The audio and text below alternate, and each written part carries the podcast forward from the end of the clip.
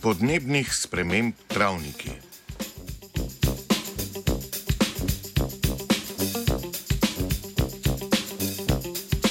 Pomlad je na vrhuncu in rastline v mestu ustrajno poganjajo, vsaj tiste, ki še niso pokošene.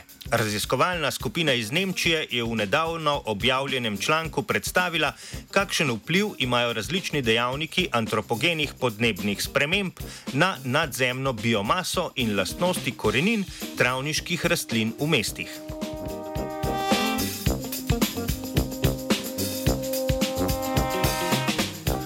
Globalno povišanje temperature zraka, spremembe v padavinah ter pogostejši in intenzivnejši klimatski ekstremi so posledica višanj koncentracije oglikovega dioksida v ozračju zaradi delovanja človeka.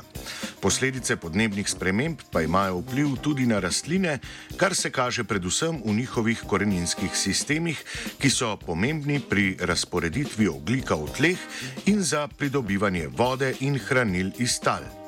Raziskovalno skupino je zanimalo, kakšen vpliv imajo trije dejavniki podnebnih sprememb, torej koncentracija oglikovega dioksida v ozračju, temperatura in pomankanje padavin na obnovljene travnike urbanih okolij, ki večinoma niso vrstno pestri, so intenzivno upravljani in izpostavljeni ekstremnim okoljskim razmeram.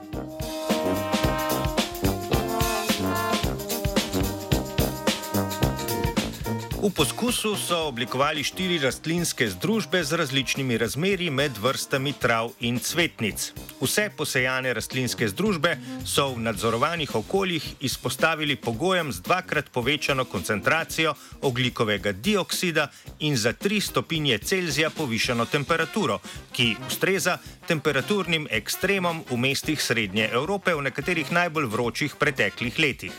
Ločeno so pripravili tudi okolja, v katerih so primerjali pogoje pričakovanih in zmanjšanih količin padavin, ki so prav tako temeljile na podatkih nekaterih najbolj sušnih preteklih let. Poskus, ki je trajal deset tednov, so zaključili z merjenjem nad- in podzemne biomase ter merjenjem različnih lastnosti korenin, kot so dolžina, premer in gostota.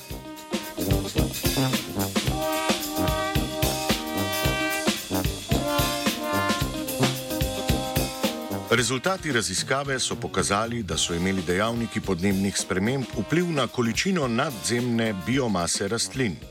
Vpliv podnebnih sprememb na nadzemno biomaso je bil večji pri povišani stopnji oglikovega dioksida in višji temperaturi, kot pa pri ome omejeni količini padavin. Pri tem dejavniki podnebnih sprememb niso imeli večjega vpliva na podzemno biomaso. Na biomaso podzemnih delov rastlin pa je imela vpliv zasajena združba. Podzemna biomasa je bila namreč večja v primerih, kjer so prevladovale zasajene vrste trav.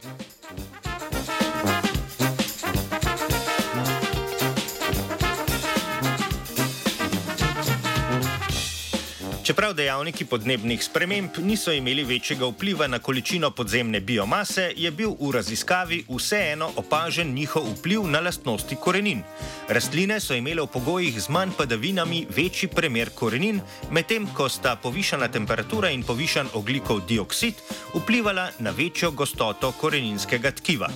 Poleg naštetega so ugotovili še, da v razmerah podnebnih sprememb korenine prodrejo nižje v tla. Izkazalo se je tudi, da v okoljih z več travnimi vrstami korenine hitreje zasedajo celoten volumen tal, medtem ko okolja z več cvetnimi vrstami s koreninami prerastejo le zgornje plasti tal.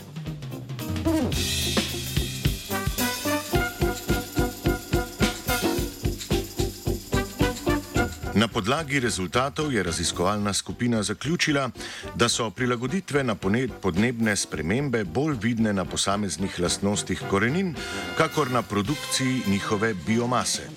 Na razporeditev biomase je namreč pomembno vplivala predvsem raznolikost posajenih združb.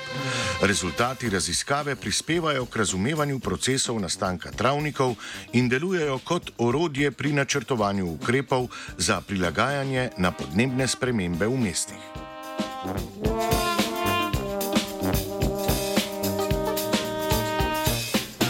Veliko sreče s prilagoditvijo na podnebne spremembe rastlinam želi Sebastian.